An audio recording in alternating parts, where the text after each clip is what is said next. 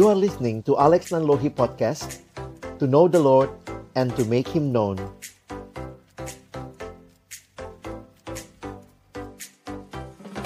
Ya, aku mau menyapa kembali kita semua yang ada di tempat ini. Uh, selamat sore semuanya, Shalom. Retret koordinator ke-14, The Gospel Way.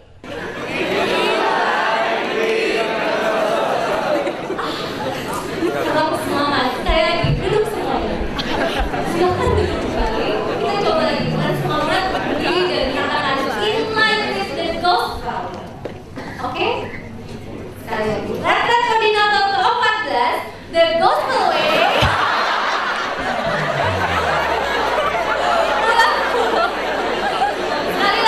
Retret koordinator ke-14, The Gospel Way. Oke, terima kasih semuanya.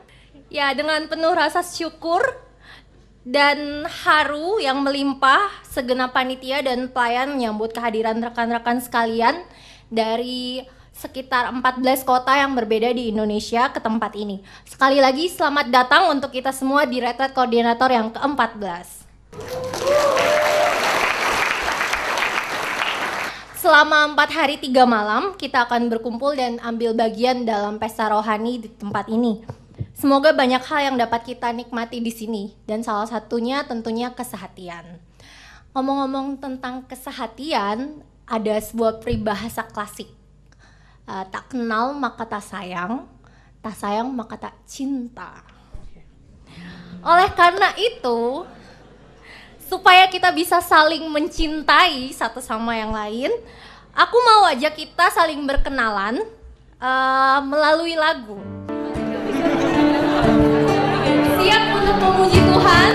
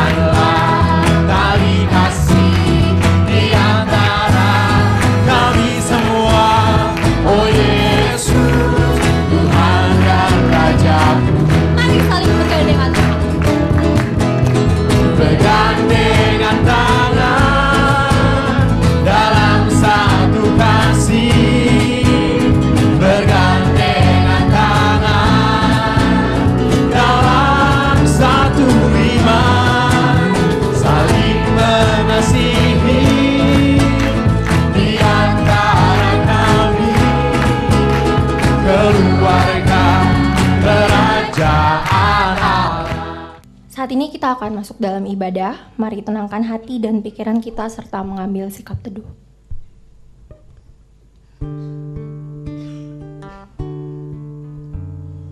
Tuhan Allah hadir pada saat ini Hai sembah sujud di sini Diam dengan hormat tubuh serta jiwa Tunduklah menghadap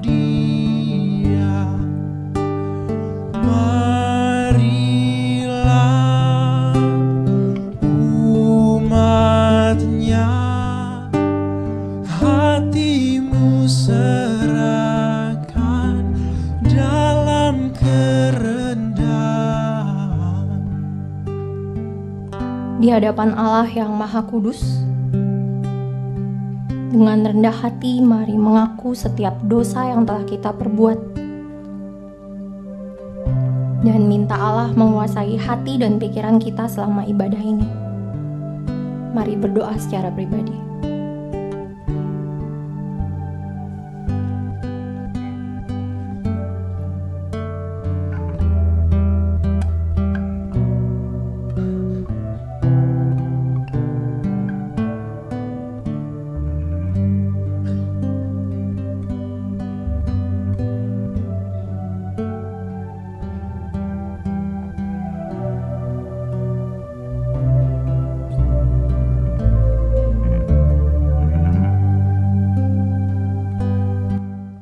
Bersyukur kepada Tuhan karena Dia telah mempersatukan kita di tempat ini. Namun, kenyataan bahwa Kristus telah menyerahkan dirinya sebagai pendamaian untuk segala dosa kita, bahkan dosa seluruh dunia, adalah hal yang patut jauh lebih kita syukuri. Pengorbanan Kristuslah alasan kenapa kita ada di sini, dan hanya Dia sajalah alasan kita bernyanyi dan memuji. Why do I sing about Jesus? Mari mengangkat pujian ini. Thank you.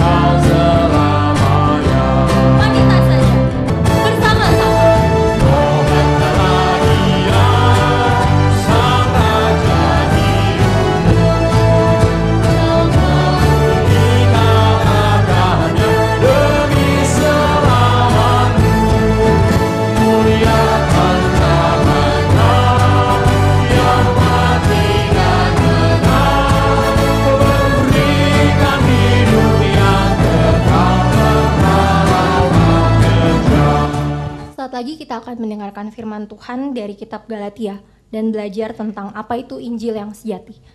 Mari saat ini menyambut firman-Nya dengan menyanyikan nyanyikan lagi bagiku.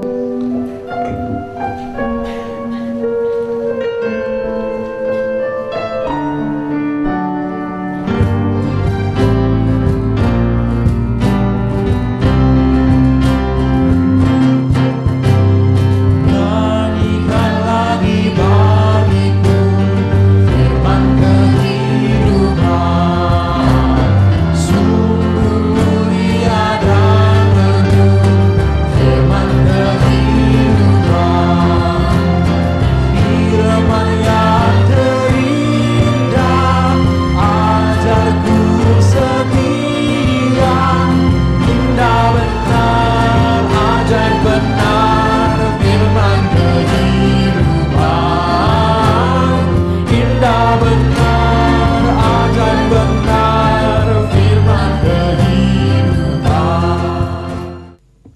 kita berdoa.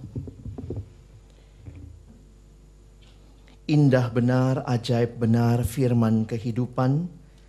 Firman yang kami rindukan kembali menjadi bagian kami dalam pesta rohani yang Tuhan berikan dan sediakan bagi kami. Kami bersama-sama akan kembali membuka firman-Mu. Kami mohon bukalah juga hati kami. Jadikanlah hati kami seperti tanah yang baik supaya ketika benih firman Tuhan ditaburkan itu boleh sungguh-sungguh berakar, bertumbuh serta berbuah nyata di dalam kehidupan kami. Berkatilah baik hambamu yang menyampaikan firman, setiap kami yang mendengarkan firman. Tuhan tolonglah kami semua, agar kami bukan hanya belajar firmanmu, kami bukan hanya membaca firmanmu, tapi biarlah firmanmu mempelajari hidup kami. Firmanmu membaca hidup kami. Supaya benar ya Tuhan, kami boleh mengalami kuasa firman yang mengubahkan itu. Pada akhirnya kami bukan hanya jadi pendengar-pendengar yang setia. Tapi biarlah kami boleh menjadi pelaku-pelaku firman-Mu di dalam kehidupan kami. Bersabdalah ya Tuhan, kami sedia mendengarnya. Dalam satu nama yang kudus, nama yang berkuasa, nama Tuhan kami Yesus Kristus Sang Firman yang hidup. Kami menyerahkan waktu pemberitaan firman-Mu. Amin. Shalom. Saya bersyukur melihat teman-temanku ada di tempat ini dan tentunya juga semua panitia bersyukur melihat bagaimana Tuhan memimpin semua kita boleh tiba di tempat ini, baik dari dekat di Jakarta sekitarnya atau mungkin Bogor begitu ya, maupun yang paling jauh ada yang sampai dari Maluku. Kita bersyukur untuk kehadiran dari teman-teman sekalian. Ya, saya juga bersyukur begitu ya. Kemarin sudah kebayang gitu gimana caranya bisa sampai ke tempat ini dengan kondisi daerah rumah saya eh, lagi banjir. Jadi memang pergumulan besar saudara ya. Beberapa kali RK atau KKRJ selalu atau biasanya karena bulan-bulannya seperti ini ya terus menakutkan begitu buat saya apakah eh, berhasil sampai atau tidak. Beberapa tahun yang lalu dalam RK atau KKRJ saya lupa saya juga dijemput di dekat rumah begitu ya. Karena sudah ada lautan yang luar biasa di dekat rumah saya. Padahal nggak tinggal dekat Ancol gitu ya. Jadi bersyukur tentunya dari berbagai latar belakang Tuhan boleh bawa kita ke sini. Dan eh, selama kita ada di sini kita akan belajar kitab Galatia ya. Saya berharap teman-teman sudah baca, sudah pelajari dan ketika saya secara pribadi mempersiapkan bagian ini saya sangat banyak ditolong untuk melihat pertama, melihat apa itu Injil dan yang kedua melihat bagaimana Injil itu sendiri boleh mempengaruhi dan mengubah hidup saya. Ya, jadi saya sungguh berdoa melalui eksposisi yang kalian akan dengar selama enam kali dari saya dan juga belajar bagian-bagian tertentu dari kitab ini sedalam PA dan juga saat teduh tiap pagi kita akhirnya bisa menikmati keindahan seluruh kitab Galatia. Ya, enam kali tidak bisa mengcover semua pasal. Jadi panitia sudah memilihkan ada pasal-pasal tertentu yang akan kita pelajari. Ada satu buku yang kalau kalian tertarik dengan buku bisa dicari di mana ya? di Amazon kali ya. Eh, dari Timothy Keller Gal- Gal- Galatians for You. Ini salah satu eh, buku yang baik yang bisa menolong kita untuk belajar tentang kitab Galatia. Pendahulunya dia bernama John Stott itu juga menulis tafsiran Galatia dan juga saya melihat eh, pendekatan yang sama dipakai oleh ini penerusnya salah satunya Timothy Keller yang memberikan pembahasan di dalam bahasa yang lebih eh, kontemporer dan konteks yang ada sekarang. Saya makin sedih melihat banyak mahasiswa khususnya pengurus yang tidak suka baca buku. Ya, saya harap kita punya keberanian, eh, punya kerinduan untuk membaca dan punya target untuk hidup kita. Ada buku-buku penting yang saya baca selama saya kuliah. Kalau kuliah kalian tidak sempat baca, maka saya makin takut alumni makin nggak ada kesempatan baca. Benar nggak? Coba tanya yang alumni, berapa buku yang dia habiskan satu bulan? Alumni bisanya beli, bacanya susah. Mahasiswa belinya susah. Puji Tuhan kalau masih baca gitu ya. Jadi kalian mesti berdoa sungguh-sungguh ya. Selama kita ada di sini ada buku-buku berkualitas yang disediakan di bawah mulai besok. Tolong ambil waktu untuk juga melihat dan kalau Tuhan gerakkan kalian membeli. Kalau bukunya mahal patungan. Berdua. Kamu 10 ribu, aku 10 ribu. 20 ribu bacanya gantian ya. Jangan disobek-sobek bukunya kamu. Ini bagian ini bahasa. Enggak ya. Jadi Cari segala macam cara. Saya pribadi juga bersyukur sejak mahasiswa saya termasuk orang yang sangat rindu dan senang membaca ya. Jadi agak gila baca juga gitu ya. Gila buku dan ketika melihat bagaimana Tuhan membentuk dari masa itu sampai sekarang saya sangat bersyukur. Tuhan kasih kerinduan dan uh, kesempatan untuk bisa membaca. Baik, saudara yang dikasihi Tuhan, kita perhatikan hari ini kita akan belajar dari Galatia yang pertama terlebih dahulu ya, the uniqueness of the gospel. Jadi kita bicara Injil, sepanjang tema kita baca Galatia itu bicara tentang Injil. Bahkan uh, topik kita adalah bicara the gospel way. Apa sih Injil itu? Kalian disurvei lalu diminta untuk menuliskan apa itu Injil dan saya sudah terima masukan dari apa yang kalian tulis. Apa itu Injil menurut kamu? Dan hasilnya adalah memprihatinkan.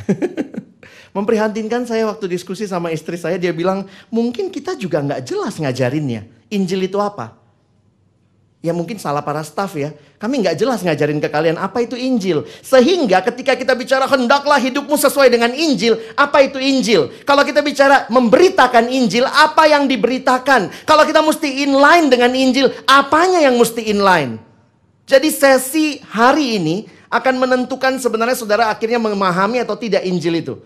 Maksudnya kalau kita baca dari kitab ini. Supaya kita akan bisa memahami dengan jelas apa itu Injil ada yang bilang gini, memberitakan Injil. Injil itu apa? Kabar baik. Terus kalau kabar baik, kamu bilang ke beritain Injil sama temanmu, eh ada kabar baik loh. Ih kabarnya baik banget, nih luar biasa. Uh, baik banget. Wah tuh kabar baik banget gitu ya. Orang bodoh juga akan nanya, apa isinya? Isinya apa? Ada anak SMA pernah datang sama saya, Kak Tadi saya memberitakan Injil. Kenapa? Teman saya pinjam tip X, dia jilbab saya kasih. itu seolah-olah minjemin barang jadinya kayak penginjilan begitu ya. Kan dia nggak seiman sama kita, dia bentuknya pakai sesuatu gitu ya. Saya pinjemin sama dia. Jadi ini pertanyaan buat kita yang bagi saya pribadi, kalau kamu tidak memahami Injil, hai para koordinator, tim inti dan tim apa yang lain lah kalian sebut dirimu, bagaimana jemaat di kampusmu? Nggak ngerti apa itu Injil. Karena itu Injil kita mau pelajari hari ini dan secara khusus kita akan melihat pertama Galatia pasal 1. Kita membenarkan dulu tulisannya di situ Galatia 1 1 sampai 9. Oke. Okay? Panitia mengikuti pembagian uh, dalam buku yang dipakai oleh Tim Keller. Jadi dia fokusnya 1 sampai 9 dulu. Nanti 10 di sesi yang kedua. Karena 10 dianggap masuk ke bagian yang bawah. Oke? Okay? Baik, mari kita baca yang bawa Alkitab, mari kita baca bergantian. Yang pria akan mulai dengan ayat yang pertama, yang wanita ayat yang kedua, kita bergantian sampai dengan ayat yang ke-9 saja. Oke, yang pria akan baca satu dua ya. Dari Paulus, seorang rasul, bukan karena manusia, juga bukan oleh seorang manusia, melainkan oleh Yesus Kristus dan Allah Bapa yang telah membangkitkan dia dari antara orang mati.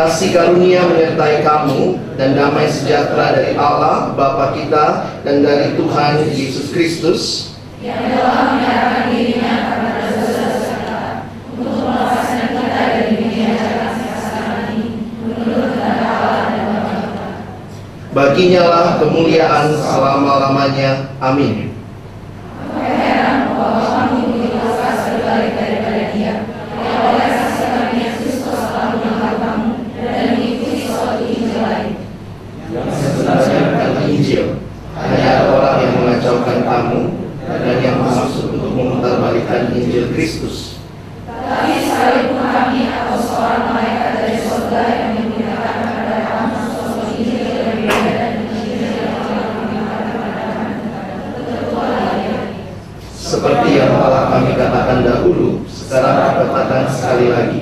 Jika ada orang yang memberitakan kepadamu suatu Injil yang berbeda dengan apa yang telah kamu terima. Oke, sampai situ ya.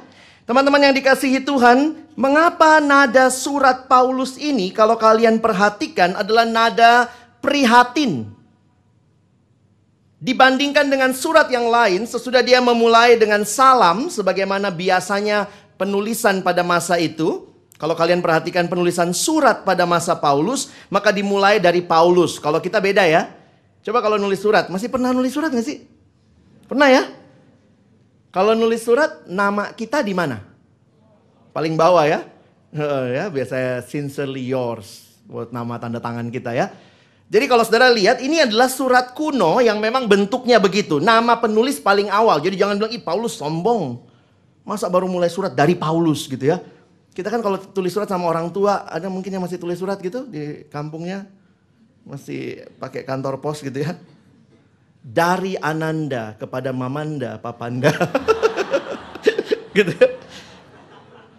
Hampir semua surat yang lain kalau kalian perhatikan misalnya buka di belakangnya. Habis Galatia ada Efesus. Itu di dalam bagian berikutnya biasanya ada pujian atau ada yang namanya uh, ucapan syukur dan doa. Coba lihat lagi di kitab Filipi misalnya, langsung lihat aja. Persis di bawah salam ada ucapan syukur dan doa. Di dalam kitab Kolose ada lagi habis salam langsung ucapan syukur dan doa. Nah, ini ketahuan kan pakai pakai Alkitab tercetak lebih cepat.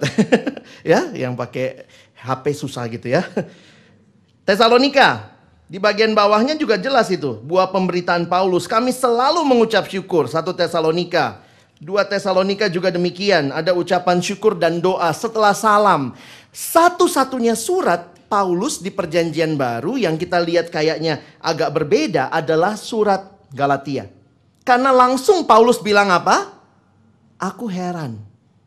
Jadi dia sangat prihatin tentang apa yang terjadi pada jemaat Galatia. Jadi ini yang kemudian kita mau sama-sama pelajari. Apa sih yang begitu memprihatinkan? Ternyata ada Injil yang lain. Mungkin kamu bilang, ya ampun bang, kita aja belum ngerti Injil itu apa, udah ada yang lain gitu ya. yang lain itu bukan Injil, udah lah intinya begitu ya. Ada Injil lain gitu ya, yang which is not a gospel. Nah, karena itu kalau kita pelajari, saya juga kagum waktu mempelajari bahwa ternyata Injil eh, atau surat Galatia ini banyak dipelajari oleh tokoh-tokoh gereja, ya. Banyak yang mengatakan ini adalah surat yang memberikan kepada kita sebagai deklarasi kemerdekaan kebebasan Kristen. Galatian has been called the declaration of independence of Christian liberty, kebebasan Kristiani. Kenapa sih? Karena Injil yang lain itu membebani, bukan memerdekakan. Lihat ya.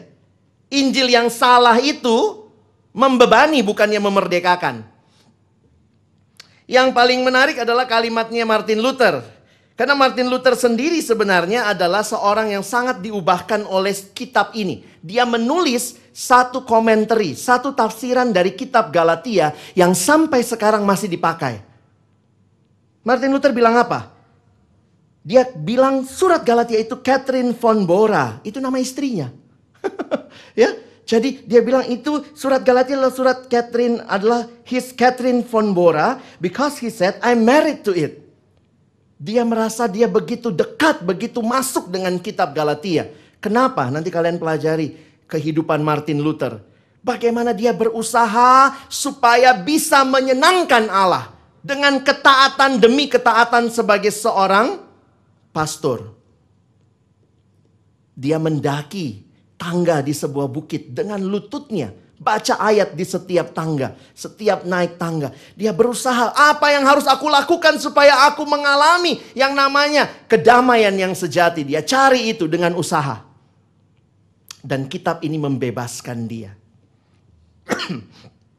Seorang bernama Leon Morris terkenal juga. Dia berkata begini, Galatians is a passionate letter. Sebuah surat yang begitu penuh kerinduan.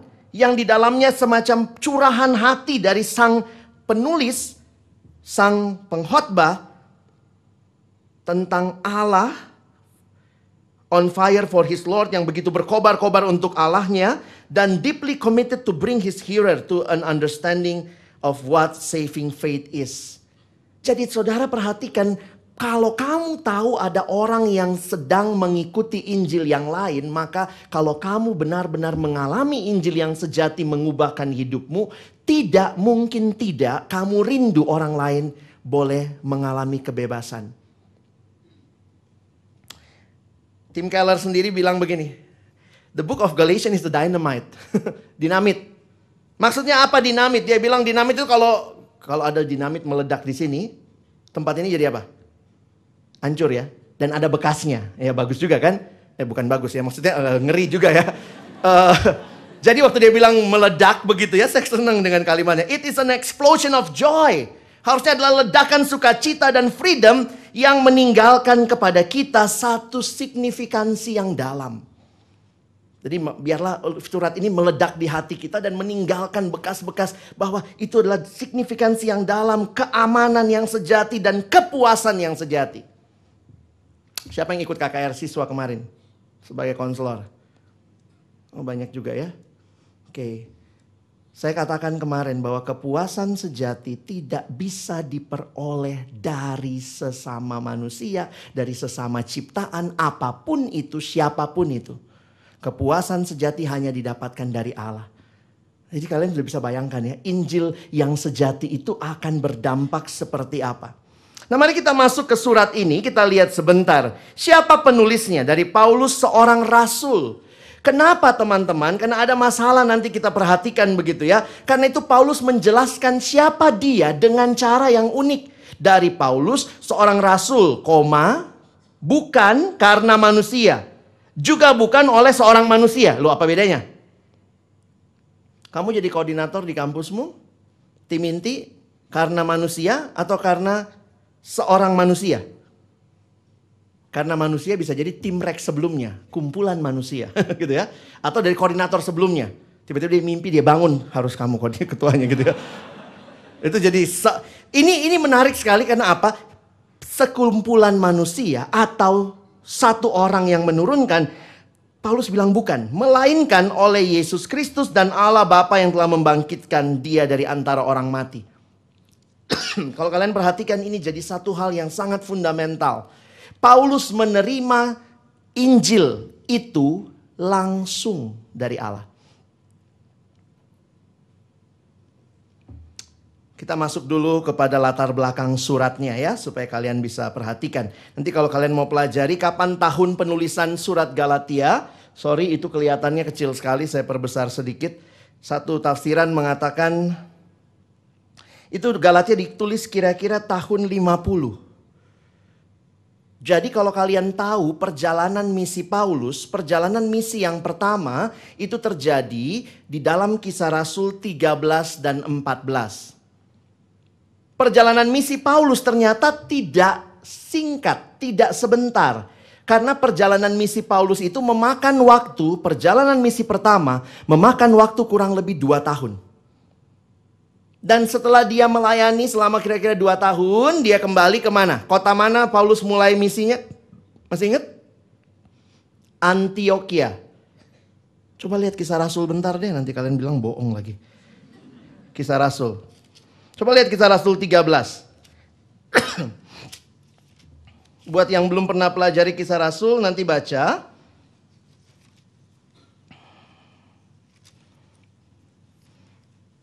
Mulai Paulus dan Barnabas diutus, pasal 12 ayat 24. Coba lihat sebentar.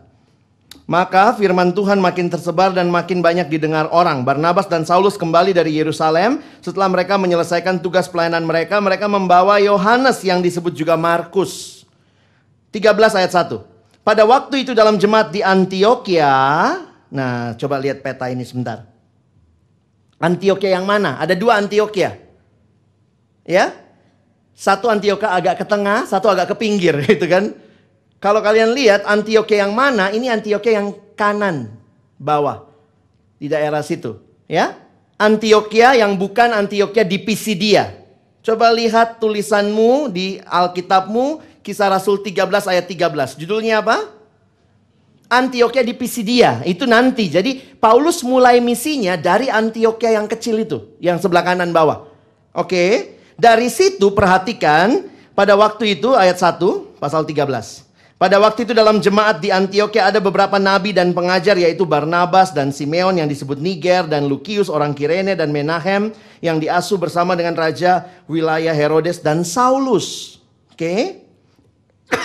Pada suatu hari ketika mereka beribadah kepada Tuhan dan berpuasa, berkatalah Roh Kudus, khususkanlah Barnabas dan Saulus bagiku untuk tugas yang telah kutentukan bagi mereka. Maka berpuasa dan berdoalah mereka dan setelah meletakkan tangan ke atas kedua orang itu mereka membiarkan keduanya pergi. Jadi sebenarnya jemaat menjadi alat Tuhan menikmati pengutusan. Tuhan menyatakan yang dipilih dari sekian nama orang tadi siapa yang dipilih? Barnabas dan Saulus. Waktu dipilih mereka diutus. Nah diutus dari kanan bawah dia ke mana?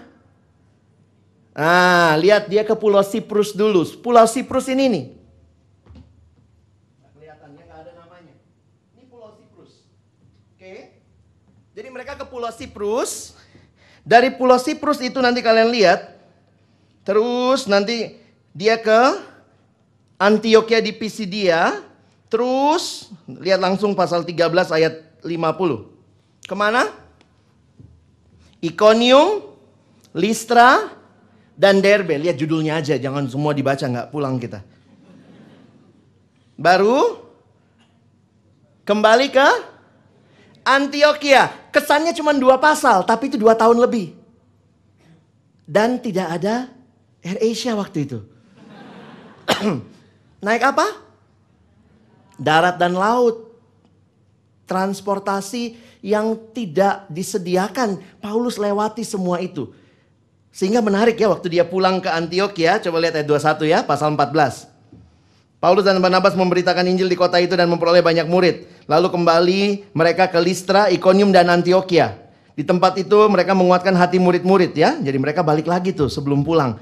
Menguatkan, menguatkan, menguatkan. Nah kota-kota itu Iconium, Listra, Derbe ada di wilayah Likaonia yang ada di daerah Galatia. Bisa dibayangkan? Jadi surat Paulus ini dia tulis buat orang-orang ini. Ya. Paulus baru pulang, baru selesai. Dia baru pulang ke markas besar. Coba lihat ya, ayat 25. Dari situ mereka memberitakan firman di Perga, lalu pergi ke Atalia di pantai. Dari situ berlayarlah mereka ke Antioquia. Di tempat itulah mereka dahulu diserahkan kepada kasih karunia Allah untuk memulai pekerjaan yang telah mereka selesaikan. Dua tahun coy, balik lagi. Setibanya di situ, mereka memanggil semua jemaat yang berkumpul. Lalu mereka menceritakan segala sesuatu yang Allah lakukan dengan perantaran mereka dan bahwa mereka bahwa ia telah membuka pintu bagi bangsa-bangsa lain kepada iman. Di situ mereka lama tinggal bersama-sama dengan murid-murid itu. Wih, saya bayangkan itu ya. Kau yang ngutus, kau yang dengar dong ceritanya ya. Disuruh, ayo sudah nih Paulus sama Barnabas pulang nih. Kumpul lagi, dengerin cerita dua tahun. Kira-kira kalau dibikin sinetron panjang gitu ya. Laporan pertanggungjawaban LPJ dua tahun punya. Lalu kalimat ini yang menarik ya. Mereka manggil semua jemaat menceritakan segala sesuatu. Dengerin deh tuh. Jadi pertama kami pergi. Angin sepoi-sepoi gitu kali ya. Waduh, dua tahunnya panjang ya. Tapi pasti ya diceritakan dengan singkat. Tapi fokusnya adalah kepada apa yang Allah kerjakan. Nah, menyedihkannya apa? Begitu pulang ke Antioquia, jemaat yang khususnya di Galatia, heran. Cepat banget berbalik dari Injil yang baru aku ceritain. Aku baru duduk ngasok kira-kira begitu ya. Coba baca ayat 6. Kalian bisa hayati dengan ayat 6. Balik ke Galatia 1 ya. Ini cara membaca supaya kalian bisa masuk ke situasi kenapa Paulus begitu concern. Ayat 6, aku heran. Ih gila ya kalau bikin surat begitu. Coba ada nggak kirim surat sama papa mama? Aku heran. Kamu ini orang tua kayak apa gitu. Udah deh habis hidup lo. Aku heran bahwa kamu begitu lekas berbalik daripada dia yang telah yang oleh kasih karunia Kristus telah memanggil kamu dan mengikuti suatu Injil lain yang sebenarnya bukan Injil. Saudara Paulus sadar dia tidak bisa langsung datang. Dia kirim surat. Ini care-nya luar biasa ya. Kamu punya care kayak gitu nggak sama jemaat? Wah jemaat kita didatengin pengajar sesat bang ke kosnya. Terus kamu apa? Kami rapat. ya, ya udah. Kadang-kadang sedih ya lihat pengurus sekarang banyak banget kegiatan ke dalamnya sampai-sampai waktu kita dengan jemaat jadi nggak ada. Waktu kita untuk kita share sama orang tidak ada.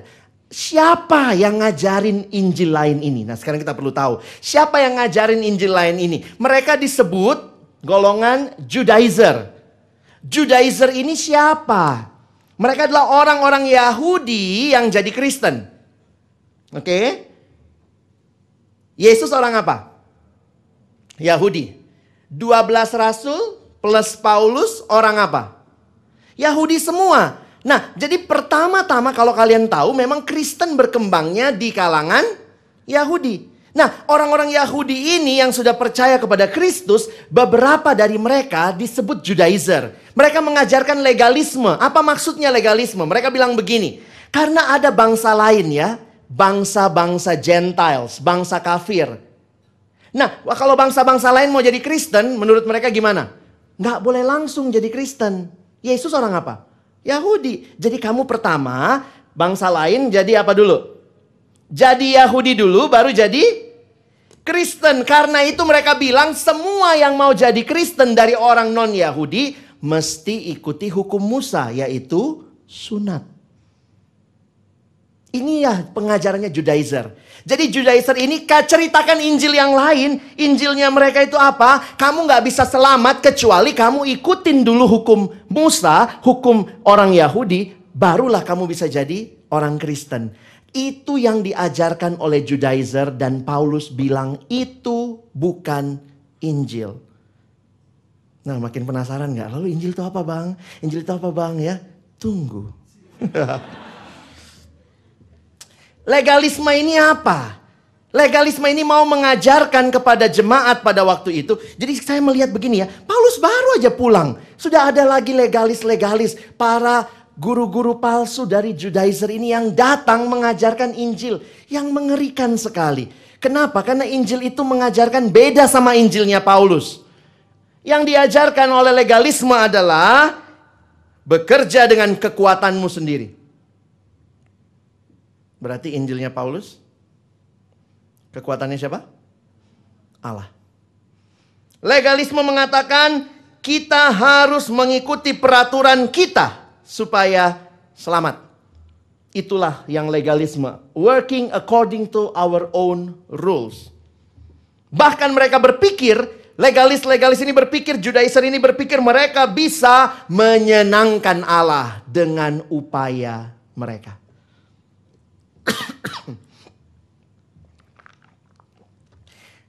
Judaizer ini di mana munculnya? Ya dari antara gereja. Mereka sudah ada di dalam, kalau kalian perhatikan, makanya kalau kita baca kisah Rasul, persis di bawah kisah Rasul 14 ada kisah Rasul 15. Nah coba kita lihat ya, nenek-nenek juga tahu gitu ya. Kalian pikir apa di bawahnya ya? Iya 14 bawahnya 15, di bawahnya lagi 16, di atasnya 13. Oke sekarang nenek-nenek juga tahu ya. Nah kita lihat Kenapa? Apa judul uh, kisah Rasul 15-mu? Hmm? Sidang di Yerusalem. Rasul-rasul tinggalnya di mana? Yerusalem. Kenapa ada sidang di Yerusalem? Ada masalah apa? Apa yang disidangkan? Apa yang jadi pembahasan sidang? Lalu dalam sidang itu apa keputusannya? Jadi ternyata teman-teman, pada waktu Paulus kembali ke Antioquia, pengajar palsu sudah masuk ke daerah Galatia dan ini meresahkan sampai akhirnya ini jadi isu di kantor pusat, yaitu Yeru Yerusalem. Nah, karena jadi isu di kantor pusat, kita lihat sama-sama ya. Yuk kita baca ayat 1, pasal 15 ayat 1. Mau baca di Alkitabmu boleh, mau tes matamu di depan boleh. Ya, coba kita baca sama-sama. Satu, dua, ya. Beberapa orang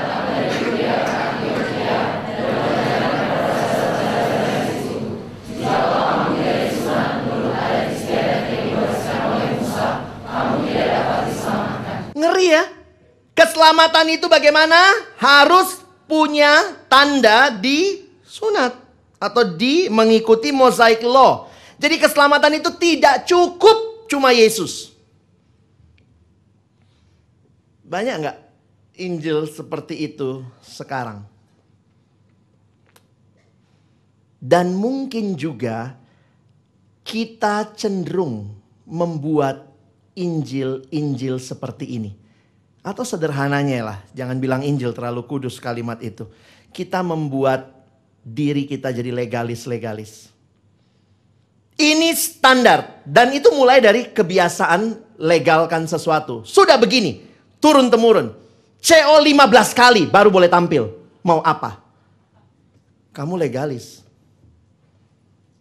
Karena apa? Orang legalis tidak lihat esensinya. Dia tidak lihat kematian Kristus cukup untuk semua dosa. Amin. Oh saya kaget waktu saya SMA ada yang bilang begini. Ada gereja pengajarannya apa?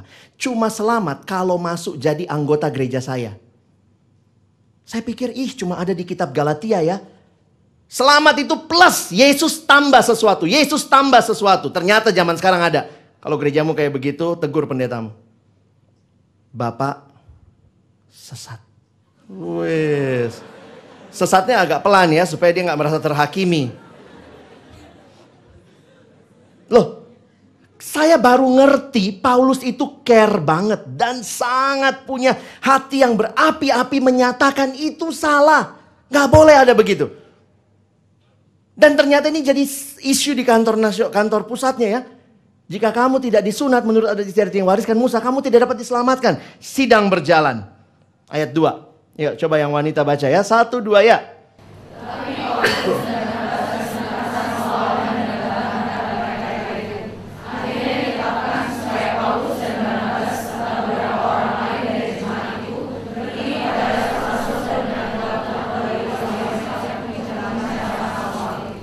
Para penafsir bertanya, peristiwa kisah Rasul 15 ini terjadi sebelum Paulus tulis Galatia atau sesudah?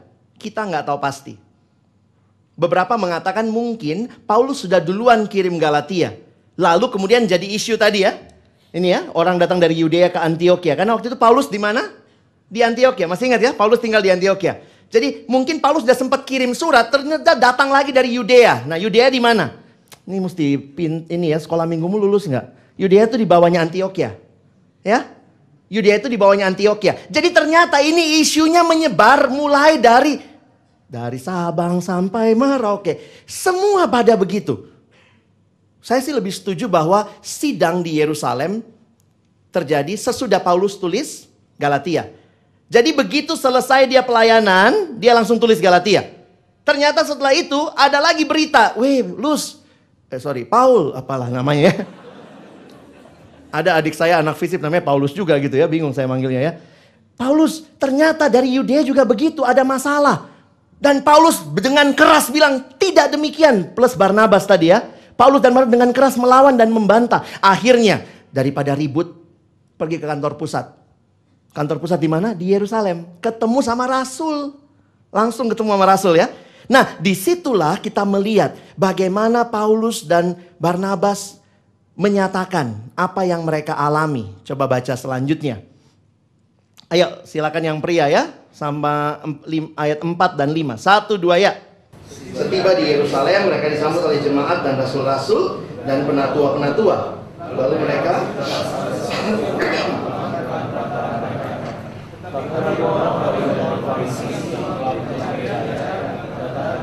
orang-orang bukan Yahudi harus disunat dan diwajibkan untuk Kenapa mereka wajibin ya? Mungkin karena dia bilang, kita aja disunat. Masa dia masuk cepet banget masuk kerajaan Allah? Enggak, enggak sunatin. Nah, nangkep maksudnya ya? Kita kadang gitu ya. Nggak bisa bang. Saya zaman saya bang 15 kali CO. Sekarang syukur cuma tiga. Kenapa? Saya ngalamin begitu. Ini nggak boleh. Wih, wih legalis juga ya. Bisa begitu loh cara kita bermandang. Kenapa? Nggak bisa. Nggak ada cara gampang masuk kerajaan Allah. Wih, buat mereka nggak bisa tuh Yesus bilang. Hari ini juga engkau bersama aku di Firdaus. Satu gereja pernah bilang gini, untuk selamat mesti dibaptis cara tertentu. Ih, saya udah dibaptis ya, dibilang mesti pakai cara tertentu. Kalau enggak kamu enggak selamat. Saya dibecandain lagi. Lex, kamu dibaptisnya kapan? Waktu masih kecil. Dipercik. Oh ya, palamu doang masuk surga. Ih, kaget saya. Kok bisa yang selamat nanti pala saya doang gitu. Sehingga apa yang dia bilang pokoknya kamu mesti dibaptis dengan cara tertentu supaya yang selamat seluruh tubuhmu. Loh, selamat itu karena air. Coba saya tanya, selamat karena air? Banyak air, itu banjir kemarin banyak. Saya sampai takut lihat air. Baptisan sah di dalam nama Bapa, Anak dan Roh Kudus. Tapi ingat baptisan tanda percaya. Yang menyelamatkan siapa? Yesus. Nggak sempat dibaptis gimana? Asal dia percaya? Yesus. Tuhan Yesus bilang kan hari ini juga engkau bersama aku di Firdaus. Tuhan Yesus bilang, turun, turun coy, turun, baptis, baptis. Yesus nggak gitu ya? Coba bayangkan kalau Yesus bilang, turun dulu baptis. Nggak sah loh. Atau mungkin lebih parah ya kan lagi keringat di Yerusalem ya. Apa waktu itu keringat ya. Yesus ah baptis percikan. Set, kena gitu ya. Oh, enggak. Enggak ada ya. Selamat itu anugerah Allah. Nangkap ya? Itulah kita yang nambah-nambahin. Itu legalis-legalis itu ya. Puji Tuhan Rasul bersidang. Jadi kan ini ada yang kelompok kontra. Hmm, tidak. Kenapa saya perlu jelasin detail? Besok nanti kita ketemu lagi. Kita ketemu sama orang-orang ini lagi. Ya mereka beribet lah orangnya ya. Sekarang coba lihat. Kita puji Tuhan sidang berhasil ya. Ayo sama-sama baca. Satu dua ya. Maka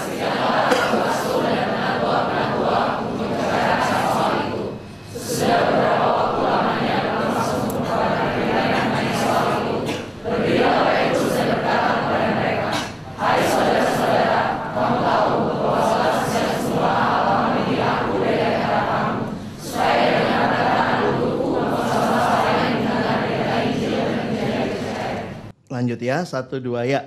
Dan Allah yang mengenal hati manusia telah menyatakan kehendaknya untuk menerima mereka. Sebab ia mengaruniakan roh kudus juga kepada mereka sama seperti kepada kita. Ia sama sekali tidak mengadakan perbedaan antara kita dengan mereka. Sudah ia menyucikan hati mereka oleh iman.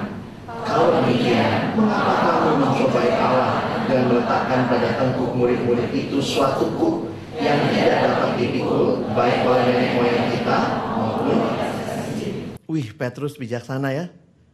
Saudara, kok bisa kita aja merasa dibelenggu sama hukum itu? Kristus sudah membebaskan kita dan Kristus terima semua. Yesus nggak bilang waktu datang pakai papan besar maaf untuk kalangan sendiri. Enggak. Yesus tidak datang hanya untuk orang Yahudi, untuk semua orang. Nah, masakan kita sekarang untuk orang masuk jadi anak anak Tuhan, anggota tubuh Kristus, kita suruh dia melewati tahap seperti itu. Sampai ada beberapa penafsir suka bilang begini ya, di dalam kekristenan tidak ada cucu rohani, tidak ada tidak ada cucu. There is no grandson and grand daughter. Yang ada cuma son and daughter. Nangkap maksudnya? Kita itu nggak nggak mesti ya ya jadi percaya ikutin dulu yang siapa baru siapa. Semua kita anak. Bener ya? Abangmu yang berdiri di depan anak Allah. Kamu jangan kamu bilang wah aku yang anak, kamu cucu. Lu mesti jadi dari cucu lu jadi anak. Enggak, enggak. Kita semua anak, mau setua nggak enak nyebut yang tua ya. Mau setua si ini maupun mau semuda si itu, tetap kita semua anak. Di dalam kekristenan there is no grandson and granddaughter. There's only son and daughter. Ya. Nah, kita baca lanjutannya. Puji Tuhan ada keputusan ya. Satu dua ya. Sebaliknya kita percaya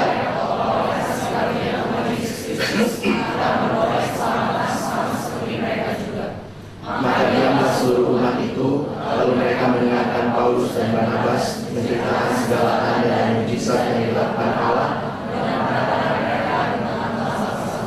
Baca lanjutannya. Lanjutannya sederhana. Paulus dan Barnabas jadi duta untuk menyampaikan hasil keputusan ini. Makanya saya bilang, saya secara pribadi lebih setuju sidang Yerusalem sesudah surat Galatia.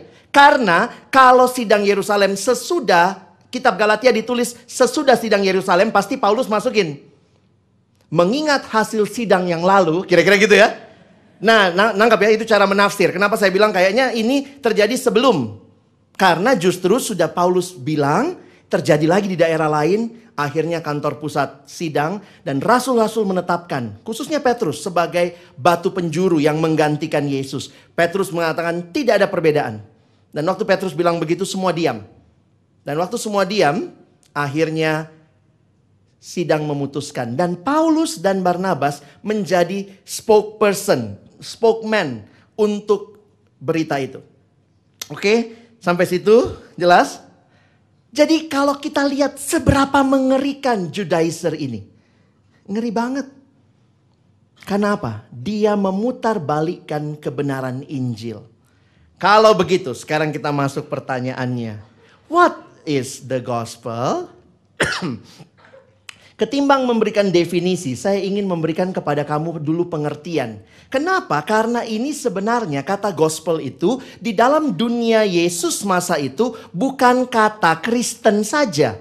Dipakai juga di dunia umum. Nah karena itu perhatikan. Di dalam kerajaan Romawi, kalau ada yang menang perang, yang menang perang tentu yang pergi perang ya pulang, eh dia yang pergi perang, menang perang, lalu nanti ada orang yang pulang yang ceritakan, "Weh, kita menang perang." Itulah gospel. Nangkep ya? Nah, ini bahasa Inggrisnya nih.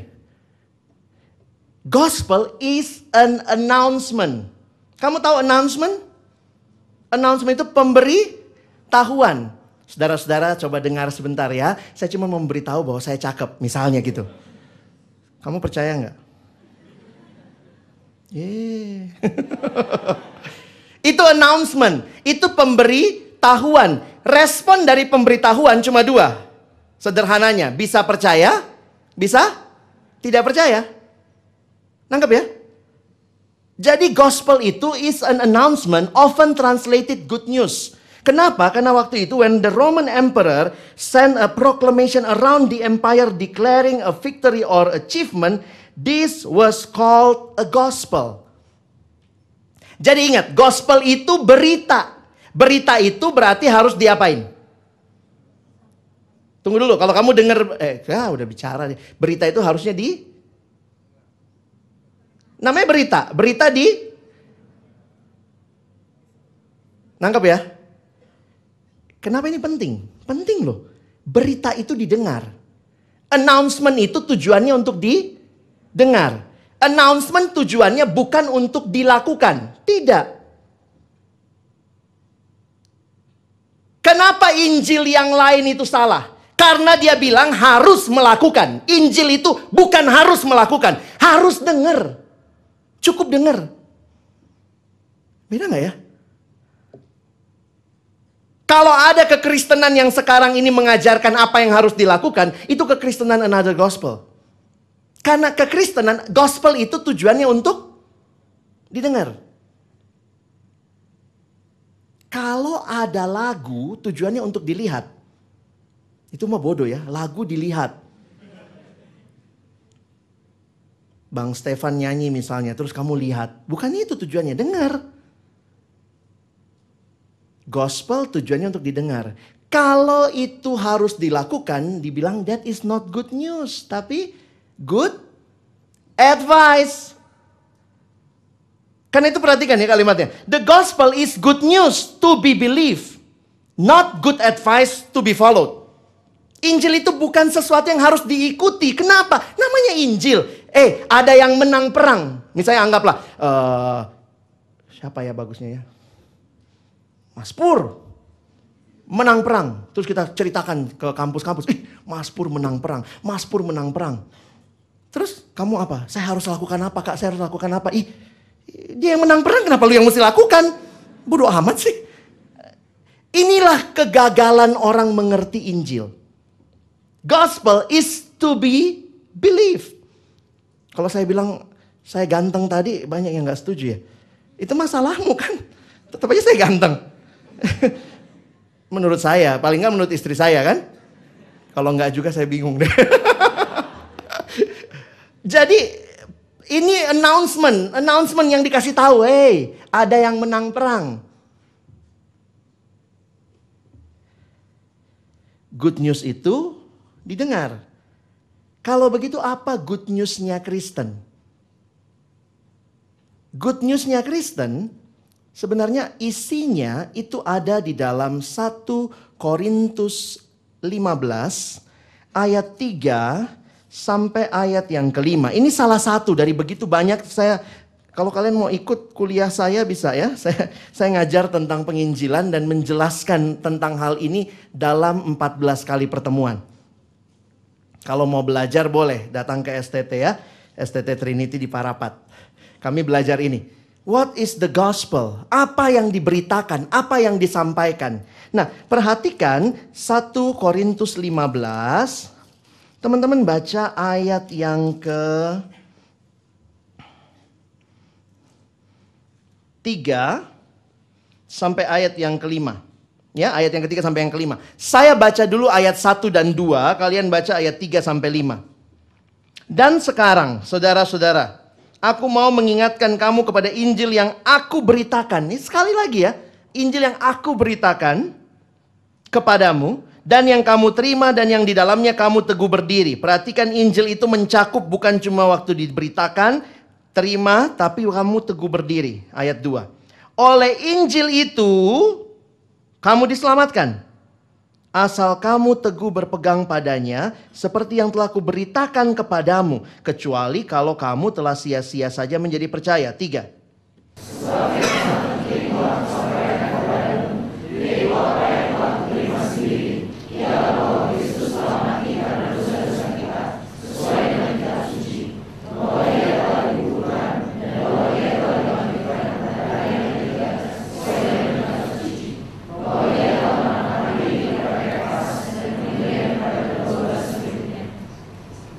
Jadi kalau ditanya Injil itu tentang tentang Ye Yesus. Apa yang kamu dan saya dengar tentang Yesus yang menjadi berita sukacita buat kita. Good news buat kita. Dia mati dan bangkit bagiku. Karena itu Injil secara sederhana itu apa? Nggak kelihatan ya. Ini 1 Korintus 15, 3 dan 4. Saya coba bagikan pemahaman ini. Ini pemahaman yang dibagikan oleh John Stott. The good news is Jesus. And the good news about Jesus which we announce is that he died for our sins and was raised from death. Jadi kalau kamu beritain Injil, yang kamu sampaikan apa? Ada Yesus yang mati dan bangkit buatmu. Makanya KKR yang sejati yang diberitakan Yesus. Itu namanya penginjilan. Yang diberitakan Yesus. Inilah berita sukacita. Apakah kampus-kampus masih punya berita ini? Fokus kita adalah Yesus yang mati dan bangkit. Dan berita ini yang kita sampaikan. Dan jangan diganti jadi what to do Itu bukan kekristenan. Kekristenan dimulai bukan dengan what to do. Tapi what we should listen and believe. Kenapa Paulus marah sekali sama orang-orang Judaizer? Karena mereka memulai dengan mengatakan untuk selamat. Yang penting apa? Disunat. Paulus bilang apa? Untuk selamat percaya sama berita itu. Ada berita Yesus mati dan bangkit buat kamu. Dia percaya. Kenapa kamu mesti ganti percayamu lagi dengan kayaknya kurang deh. Percaya sih udah tapi saya mesti tambah. Sehingga keselamatan jadi kabur. Keselamatan seolah-olah hanya karena saya bisa. Cek kekristenan di kampus kita. Cek kekristenan di gereja kita. Cek apakah Injil itu masih menjadi fokus dan sentral berita-berita di gereja. Kadang-kadang saya kasihan lihat gereja, lihat persekutuan seolah-olah kita kayak mentraining orang lakukan ini, lakukan itu. Tidak tidak beda sama John Robert Power. Ini yang harus dilakukan. Inilah hal-hal yang harus dilakukan. Bukannya itu nggak penting. Nanti ada bagiannya. Tapi pertama kali iman kita dimulai dengan dengar berita itu dan percaya. Itu kekristenan. Itu Injil. Di luar itu salah. Kalau Injil dimulai dengan lakukan ini supaya jadi orang percaya. We miss the point.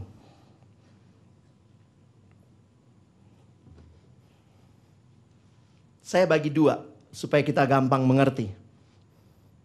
Kalau kita mulai dengan hal-hal yang telah atau harus saya lakukan supaya saya selamat, ini harusnya membedakan dengan berita tentang karya Yesus bagi kita. Bukan tentang apa yang telah atau harus saya lakukan, tetapi tentang apa yang telah Yesus lakukan bagi saya. Yang satu itu good news, yang satu bukan good news, itu good advice.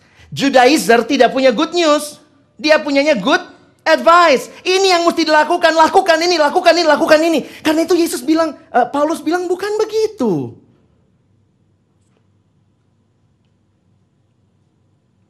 Kalau kamu disuruh jadi orang Kristen, kalau kamu bayar perpuluhan baru kamu selamat. Berarti yang menyelamatkanmu perpuluhanmu.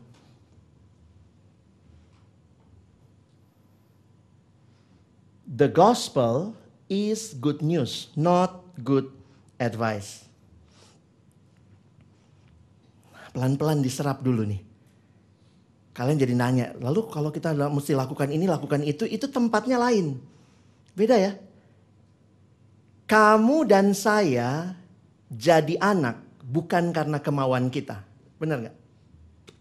Ada yang pernah milih, saya mau dong lahir di keluarga kita udah pesan sama Tuhan kalau bisa papa saya cakep, mama begitu. Sudah ada yang pernah pesan? Kita jadi anak by birth. Siapa yang bertanggung jawab? Orang tua kita. Oke. Okay. Kita jadi anak bukan karena melakukan sesuatu. Benar? Saya suka kasih contoh begini. Kalau kamu di rumah bangun pagi, Terus kemudian kamu nyuci, kamu nyapu, kamu ngepel, beresin rumah. Numpang tanya, itu kamu lakukan supaya jadi anak atau karena kamu anak? Hmm? Karena anak. Ada nggak habis nyapu, ngepel, terus bikin proposal. Papa, mama, terima saya sebagai anak. Papa, mama akan bilang, kasihan anakku nih. Mari kita bawa ke rumah sakit terdekat. Kekristenan itu apa? Kamu anak. Karena itu hidup sebagai anak. Oke? Okay? Injil lain bilang apa? Lakukan dulu supaya jadi anak. Beda sekali. Kekristenan macam apa yang sedang kita tawarkan yang ternyata sebenarnya bukan Injil dan Paulus memberikan sebuah penekanan, penegasan, bahkan keprihatinan yang mendalam. Aku heran begitu cepat kamu berbalik. Perhatikan ayat ini. Kita masuk ayat 3 ya. Kalian ikuti di Alkitabmu. Di ayat yang ketiga, kalian perhatikan baik-baik. Di sini kita melihat satu hal yang menarik. Bahwa Paulus memberikan salam kepada mereka. Dan ini bukan sembarang salam. Ini salamnya juga gospel way. Kenapa? Paulus mengangkat dua hal yang luar biasa yang dikerjakan oleh Injil kasih karunia Allah. Apa itu? Kasih karunia dan damai sejahtera. Di dalam dosa manusia terpisah dengan Allah. Tidak ada damai. Karena itu, Injil ini Paulus menyalam mereka kasih karunia dan damai sejahtera. Damai sejahtera itu yang akan membawa hubungan kita beres dengan Allah, tetapi sumbernya dari mana? Kasih karunia. Jadi sebenarnya salamnya pun saya waktu baca penjelasan John Stott, penjelasan Tim Keller, dia bilang menarik untuk kamu perhatikan bahwa begitu memulai kitab Galatia, Paulus pun mengingatkan salamnya dari betapa luar biasanya anugerah Allah dan karya pendamaian yang dibawa melalui anugerah itu. Bahkan perkenalan Paulus di ayat 2 sampai atau dari ayat 1 sampai ayat 5, perkenalannya juga gospel banget deh. Paling tidak dari perkenalannya ini kita melihat intinya Injil. Saya kasih contoh begini ya.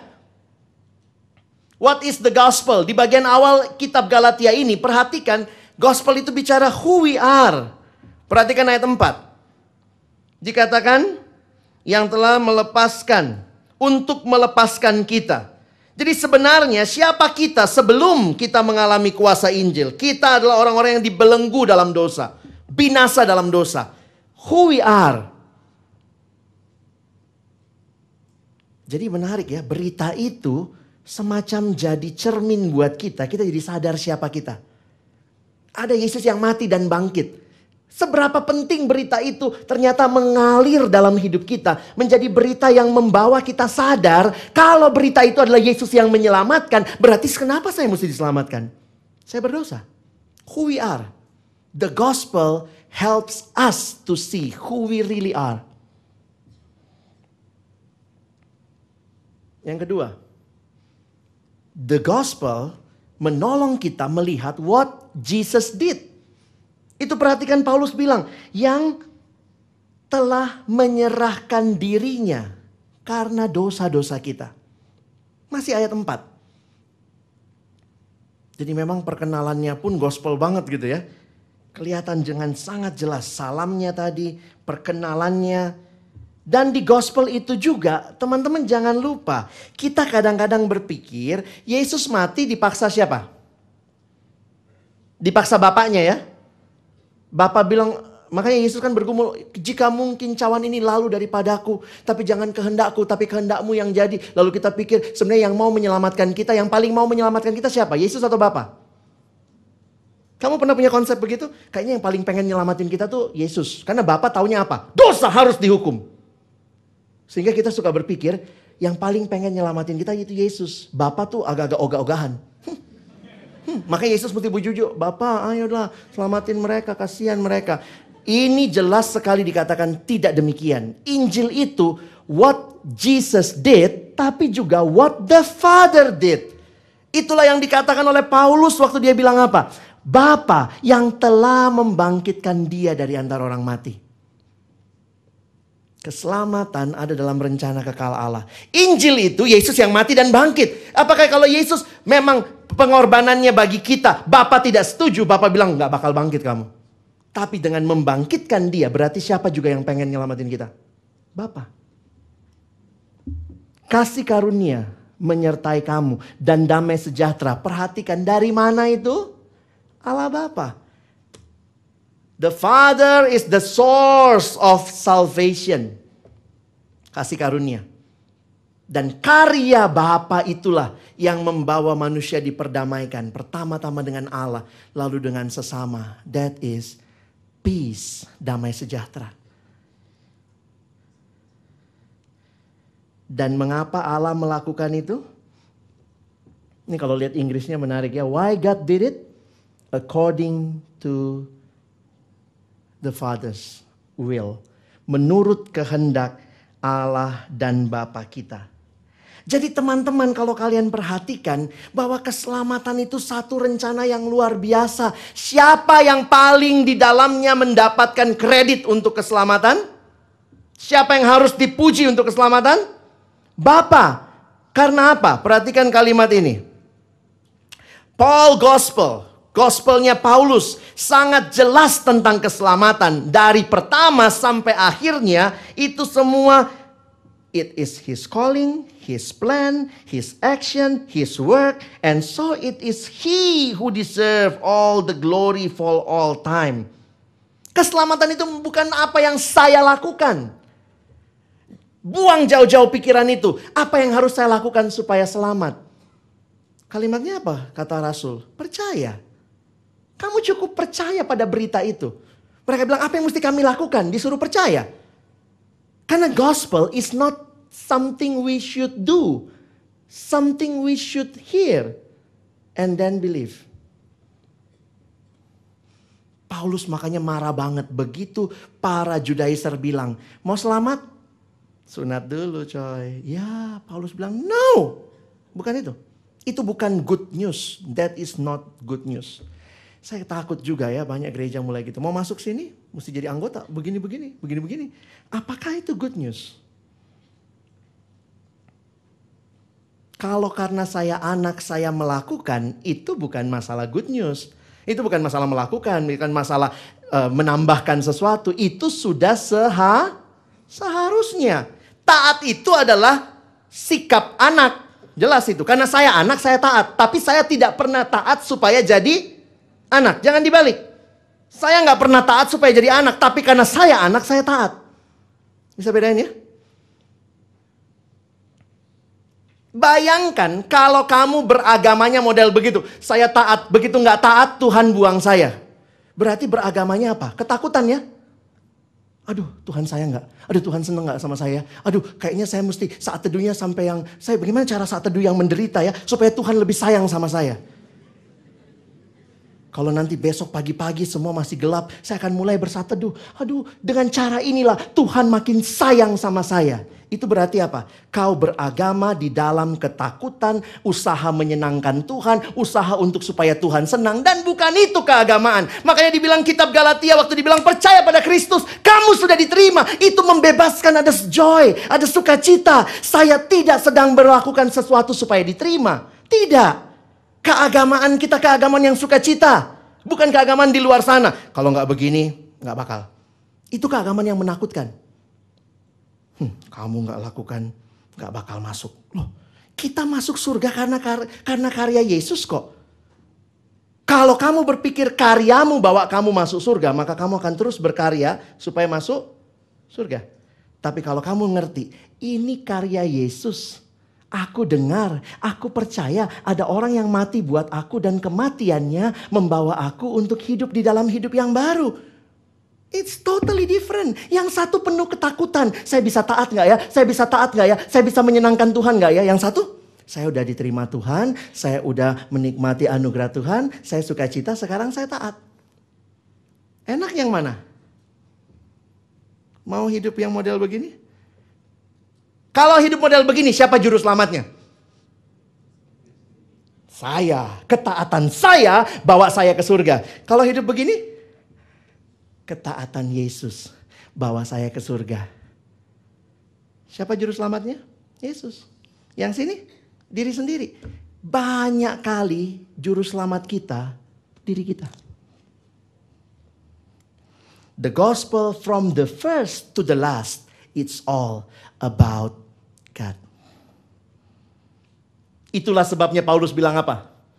Bagi siapa kemuliaan? Ayat 5. Bagi dia. Oke, saya maju lebih cepat lagi teman-teman ya. Sudah bisa paham ini ya? Makin jelas sekarang Injil itu apa? Makin sadar konsepmu mungkin salah selama ini. Injil adalah apa yang harus saya lakukan supaya saya selamat. Terbalik. Apa yang harus kamu percaya? Injil adalah apa yang Yesus lakukan. Dan itu announcement. Percaya. Bagaimana saya tahu kalau yang saya dengar itu Injil yang sejati? Nah, ini kan. Bang, gimana ya kita ngeceknya? Nah, Paulus kasih beberapa key di sini. Atau beberapa sebenarnya bukan key juga. Saya melihatnya ini beberapa uh, teguran. Menarik sekali dia mengatakan begini. Are you hearing the true gospel? Ah, kalau kamu mengerti bahasa Yunani nanti bisa ikutin saya di sini ya. Dalam bahasa Yunani ada gampang. Ini namanya Alkitab interlinear. Cara bacanya persis di atasnya. Ya? Ini apa? Ini bacanya. Yang dicari itu apa ya? Kale Santos, Himas, and Charity Christu es heteron. Ada kata heteron di situ. Lalu di bawah sini ada kata evangelium. Inilah Injil. Ho, up, estin, alo. Kenapa saya ketunjukkan kepada kamu? Ada dua kata yang penting di situ. Satu kata heteron, satu kata alo. Itu dari kata dasar alos. Nah, coba lihat ya. Alos ini itu another of the same kind. Ini semua namanya apa? Gelas. Tapi yang pertama sama yang kedua sama yang ketiga? B, beda. Different of one kind. Tapi kalau heteros, ini heteros. Satu gelas, satu pesawat. Kalau kamu bilang itu sama bang, duh Tuhan tolonglah adikku ini ya. Jadi yang Paulus bilang, nanti kalian lihat ayat 6 dan 7 itu. Ini ayat 6, ini mulai ayat 7 di sini ya. Kamu mengikuti Injil yang totally different, heteros.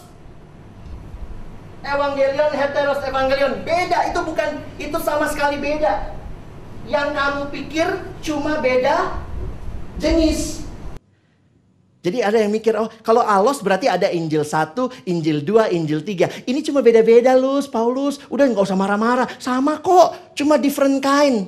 Paulus bilang apa? Hey, ini bukan cuma alos, ini heteros. Beda. Kalau satu Injil kasih karunia, juru selamatnya Allah, Yesus. Yang satu kamu juru selamatnya.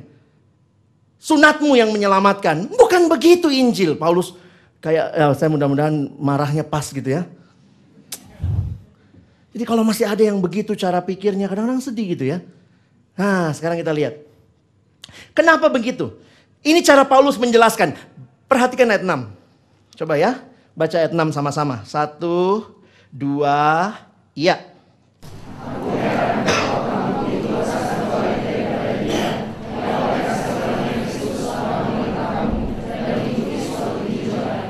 Bagi saya menarik sekali cara Paulus menjelaskan. Kamu begitu lekas berbalik dari dia. Loh kok dari dia? Bukankah dari Injil? Ini seolah-olah Paulus lagi mau bilang apa? Sebenarnya waktu Injilnya kau tolak, siapa yang kau tolak? Allah sendiri. Jadi makanya hati-hati. Kalau ada Injil yang lain dan diberitakan, diajarkan, sebenarnya kamu tidak cuma menolak Injil yang benar, tapi kamu menolak Allah yang adalah sumber Injil yang benar. Karena itu kalimatnya. To abandon gospel theology is to abandon Christ personally. Kristus yang kamu tolak. Karena Paulus nggak bilang gitu ya. Kamu begitu lekas berbalik daripada Injil yang lain. Enggak, daripada dia. Oke? Yang kedua. Suatu Injil yang berbeda atau lain itu bukan Injil sama sekali. Saya udah jelasin tadi. Sehingga seolah-olah ada yang gini, aduh saya mau revisi dikit Injilnya. Itu kalimat yang saya merahin di bawah. The moment you revise it, you reverse it. Begitu kamu revisi Injil itu, kamu memutar balikannya. Jadi tidak ada revisi. Ih, bagi saya Paulus luar biasa teman-teman ya. Coba kalian lihat sebentar. Di dalam ayat yang ke... Sebentar ya, tadi lihat ayat yang ke...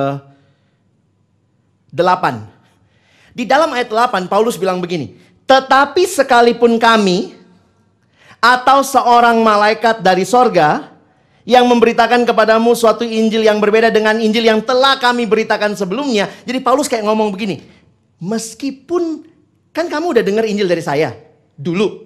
Kalaupun ada saya datang lagi lalu saya ceritain Injil yang lain, yang mana yang mesti dipercaya? Yang terakhir apa yang pertama? Yang pertama. Paulus sampai bilang begitu. Kalau saya pun datang dan tiba-tiba Injil yang saya sampaikan berbeda, pegang yang pertama. Bahkan kalau ada malaikat, ih, dia bisa ngomong gitu ya. Malaikat pakai bilang ini Injil yang lain. No, percaya yang pertama. Jadi Paulus sampai seolah-olah bisa bilang, kalau sampai saya pun jadi keserimpet. Bilang sorry ada ada edisi revisinya. Ternyata bukan cuma Yesus yang menyelamatkan. Ternyata yang menyelamatkan juga perpuluhan, baptisan, uh, cara hidupmu. No, percaya yang pertama. Tangkap ya. Terakhir. Suatu Injil yang berbeda membawa hukuman atau kutukan. Ngeri banget. Teman-teman kalau kalian perhatikan kata yang dipakai terkutuklah dia. Itu dipakai kata anatema. Anatema itu kata kasar banget. Terkutuklah dia. Jadi seolah-olah ini bukan cuma sekedar Injilnya ada revisi, tidak. Tapi betapa mengerikannya Injil yang seperti itu.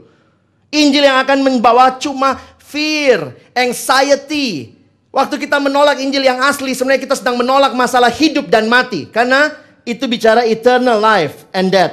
But it also, kalimatnya apa? Ketika kamu menolak Injil itu, maka yang terjadi adalah kamu sendiri mungkin akan hidup dengan ketakutan. Karena apa? Selalu berusaha jadi juru selamat itu yang dibilang. But it also means very practically that fear, anxiety and guilt will always be attached to different gospel.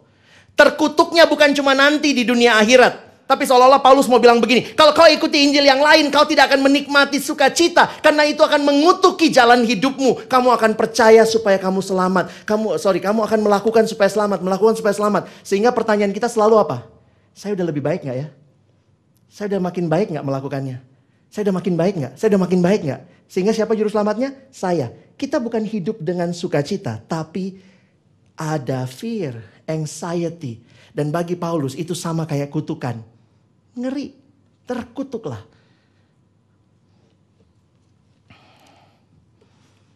Udah marah-marahnya. saya bergumul teman-teman nyampein ini. Supaya saya rindu kita tangkap inti Injil yang sangat membebaskan. Jadi kalau kamu mikir selama ini Injil, orang masuk kelompok kecil langsung kita jejelin. Lakukan ini, lakukan ini, lakukan ini. Kamu udah beritain Injil belum? Adikku, ada yang menyelamatkan kamu. Sehingga itu memulai, lalu kemudian yang lain mengikuti. Jangan itu, kamu mau selamat, rajin saat teduh nggak? Rajin baca Alkitab nggak? Baca dulu. Udah baca berapa kali? Sebenarnya dengan kita bicara begitu, siapa yang kita sombongkan? Aku dong, udah 15 kali baca. Hmm, covernya. Hmm, kamu? Oh benar ya teman-teman. Ini keagamaan yang munafik sekali. sebagai penutup. Surat Galatia membawa kita berhadapan secara langsung dengan Injil. Nah, yang menarik nanti kalian perhatikan, ini sesi saya besok. Penting tiga sesi pertama lah ya. Kalau kalian dengar, saya harap kita tangkap intinya. Seringkali kita menganggap Injil adalah sesuatu yang hanya dibutuhkan oleh mereka yang belum percaya. Dia butuh dengar berita Injil. Tapi kalau kalian perhatikan surat Galatia, malah Paulus bilangnya begini. Surat Galatia ditulis untuk orang yang belum percaya atau sudah percaya? Sudah percaya. Ternyata in line with the gospel itu pekerjaan Allah seumur hidup bagi kita. Jadi makanya kenapa kita angkat gospel way. Ada yang begitu dibilang gospel way, aduh camp penginjilan ya bang. Bukan. Injil itu ternyata bukan hanya menginspirasi awal kita bertobat, tapi perhatikan Injil itu harusnya terus mewarnai jalan hidup kita. Karena itu the gospel way penting. Nanti kita akan belajar mulai besok. Bagaimana gospel way untuk menegur. Malam ini kita belajar bagaimana gospel way untuk sharing. Karena apa? Ternyata Salib itu luar biasa indah teman-teman. Di salib itulah inspirasi kita. Bukan hanya Tuhan mati bagi saya. Tapi nanti kita akan belajar lebih luar biasa lagi. Mandang salib, pandang salib. Hidup Kristen adalah hidup yang memandang kepada salib. Gospel way. Terus lihat salib. Terus lihat salib. Dari salib itu inspirasi hidupmu dapat. Dari salib itu kau akan menjalani hidupmu. Dan itu bukan hanya pertama. Waktu baru bertobat butuh Injil Ternyata saya makin menikmati, khususnya untuk kitab Galatia. Seumur kita hidup, kita butuh Injil. That is the gospel way. Kita sering kali merasa bahwa setelah percaya terima Yesus maka tidak lagi butuh mendengar dan mempelajari Injil. Kita merasa selanjutnya kita butuh materi lanjutan. Apa materi lanjutan setelah Injil bang? Ternyata baca surat Galatia, nggak ada materi lanjutan. Injil terus. Injil itu harus menginspirasi hidup kita.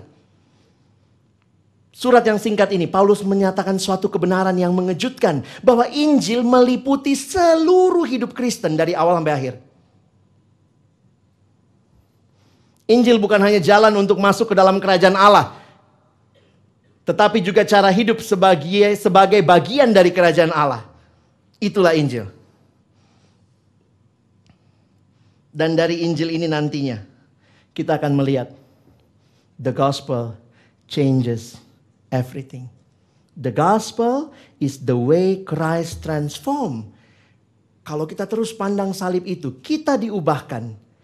Komunitas kita diubahkan oleh Injil. Bahkan gereja dan komunitas dalam skop yang lebih luas. Kita rindu Injil yang mentransformasi hidup. Karena itu kami angkat tema ini. Belajar dari kitab yang penting ini. How the gospel should shape our entire life. Not only our first journey in conversion. Terus dalam discipleship butuhnya apa? Injil. Dalam kita melakukan ini Injil terus. Jadi memang ternyata benar ya, kita tidak pernah bisa melepaskan mata kita dari memandang kepada salib itu. Ini materi-materi terakhir saya lewatin aja ya, nanti kita saya mau tutup dengan kisah pertobatan Charles Spurgeon. Charles Spurgeon, seorang yang sudah luar biasa, anak muda, pada waktu itu. Ini seorang pengkhotbah besar ya, abad yang lalu. Dalam hidupnya kalau kalian lihat karya-karyanya luar biasa, dia orang yang sangat memahami Injil karena ternyata itu pengalaman pertobatan dia. Satu waktu dia uh, sebagai seorang muda yang sudah melayani di gereja, dia mau melakukan sesuatu untuk Tuhan dalam biografinya dia tuliskan betapa berkobar-kobar hatinya untuk melakukan sesuatu untuk Tuhan, melakukan sesuatu untuk Tuhan. Dan anak muda yang sudah besar dalam kekeluarga Kristen ini mau melakukan sesuatu untuk Tuhan. Satu waktu dalam badai salju di Inggris pada waktu itu, dia tidak bisa sampai ke gerejanya. Karena badai salju nggak bisa sampai ke gerejanya. Akhirnya di tengah jalan dia belok aja ada gereja dia masuk. Dan itu gereja metodis ternyata. Dan dalam gereja metodis itu ternyata jemaat paling cuma satu lusin gitu, 12 orang. Dan dia duduklah, saya punya videonya gitu ya. Dia duduk, bukan videonya dia beneran ya, ada orang yang main gitu. Dia duduklah di situ.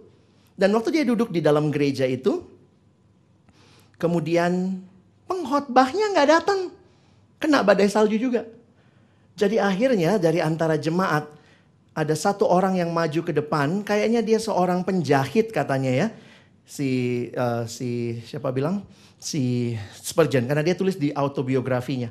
Dan ketika dia maju, orang itu buka satu ayat teman-teman. Dia khotbahnya kan namanya orang awam ya, dia buka ayat ini. Kita baca sama-sama ya. Yesaya 45 ayat 22. Satu, dua, ya. Berpalinglah kepadaku dan biarkanlah dirimu diselamatkan. Hai ujung-ujung bumi, sebab akulah Allah yang tidak ada Bahasa Inggrisnya.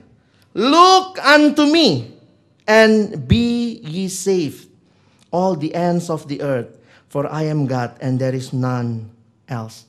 Ketika orang itu membaca ayat ini dengan suara yang lantang, dengan semangat yang berapi-api, dia kemudian menjelaskan kepada jemaat yang cuma 12 orang. Ditulis demikian di biografinya Spurgeon. Dia jelaskan, Ayat ini mengingatkan kita, pandang ke salib, pandang ke salib. Apa masalah terbesar kita sekarang? Kita tidak pandang ke salib itu. Kita selalu pandang kepada diri kita. Kita pandang ke diri kita. Apa yang bisa saya lakukan? Apa yang bisa saya lakukan? Dan setiap kali kita pandang ke diri kita yang terjadilah apa yang mau saya lakukan. Apa yang mau saya lakukan? Alkitab mengatakan pandang. Dan pandanglah ke salib itu lagi berapi-api berkhotbah katanya tiba-tiba pria itu sadar dari antara 12 ada satu bukan jemaatnya. Dia lihat ih ada satu anak muda. Dia nggak tahu namanya Spurgeon. Dan kata Spurgeon dalam tulisannya dia bilang begini. Kemudian pria itu menatap aku. Dan kemudian dia berkata, anak muda, kau sudah pandang atau tidak kepada Tuhanmu? Berhenti memandang kepada dirimu. Pandang Tuhan, pandang salibnya. Lihat di situ keselamatanmu. Dan hari itu konsep Spurgeon berubah. Dari seorang yang mau melakukan sesuatu untuk Tuhan. Untuk bisa mendapatkan keselamatan supaya Tuhan lebih berkenan. Hari itu diminta lihat ke salib. Kepada karya yang genap yang Yesus lakukan. Look to the cross. Melihat itu pekerjaan yang mudah Lihat. Kita nggak disuruh lakukan. Spurgeon bilang, pria itu waktu berkhotbah dia bilang, kita tidak disuruh datang ke salib itu. Datang, pegang, peluk. Tidak. Lihat, pandang. Kalian datang ke KR siswa, saya bicara hal yang sama. Lihat, pandang, itu keselamatan, itu beritanya. Ada yang mati di sana, lihat.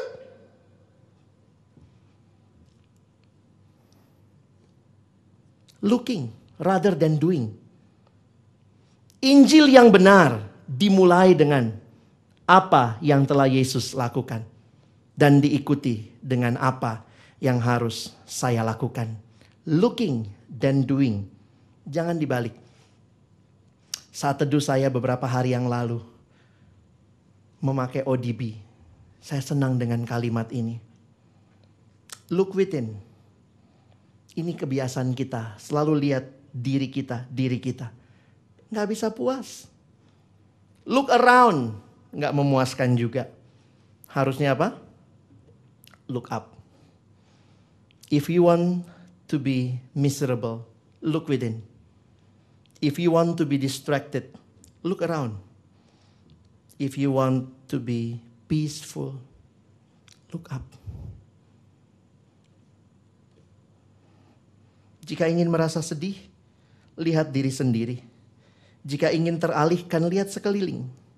Ingin damai, lihat ke atas. Ini Injil. Announcement, ada yang mati dan bangkit buat kita. Fokusmu ke mana? Maukah kau lihat ke sana? Itu keselamatan kita. Di luar itu, itu Injil yang lain. Mari kita berdoa.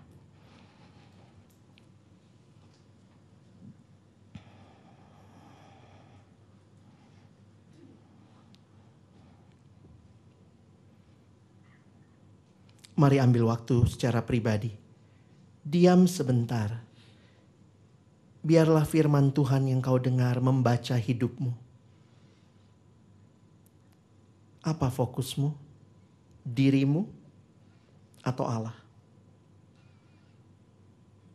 Injil fokusnya Allah. Dari Allah, ditopang oleh Allah. Injil itu menjadi berita yang kita hidupi in line with the gospel. Bagaimana mengalami Injil yang mengubahkan?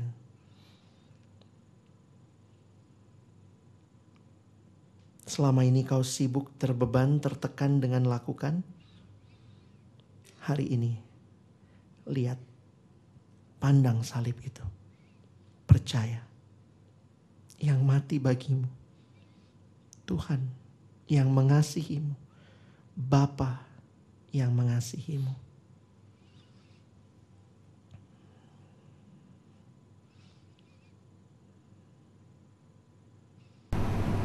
mengangkat muka kami, memberikan kami kesempatan memandang kepada salib, memandang kepada karyamu yang mungkin sering tertutup oleh aktivitas, tertutup oleh hal-hal yang ada di depan mata kami, sehingga kami menggantikan Engkau dengan hal-hal yang lain. Kami berdoa empat hari tiga malam ke depan Tuhan, bantu kami memandang Engkau, bantu kami melihat apa yang sesungguhnya kami lakukan, apa yang sesungguhnya kami perjuangkan, apa yang sesungguhnya kami persiapkan. Baik kami mungkin sebagai penilik, kami sebagai pelayan-pelayan baru, koordinator tim inti baru, apakah ada sukacita atau justru ketakutan? Apakah ada kelegaan ataukah hanya keraguan yang membayangi kami menjalani hari-hari kami? Kami sungguh memohon Roh Kudus Tuhan membukakan kami langkah demi langkah, bagian demi bagian sehingga ketika kami pulang dari retret ini, kami boleh yakin bahwa memang benar Kristus mati dan bangkit bagi kami. Dan itu cukup buat semuanya. Di dalam namamu kami berdoa. Amin. Arahkanlah pandanganmu hanya kepada Kristus, Tuhan dan Juru Selamat kita. Hanya hendaklah hidupmu, cara pandangmu, pola pikirmu, tindakanmu, keputusanmu sesuai dengan Injilnya. Mari mengangkat pujian ini, hanya hendaklah hidupmu sesuai dengan Injil untuk menutup ibadah kita. Kiranya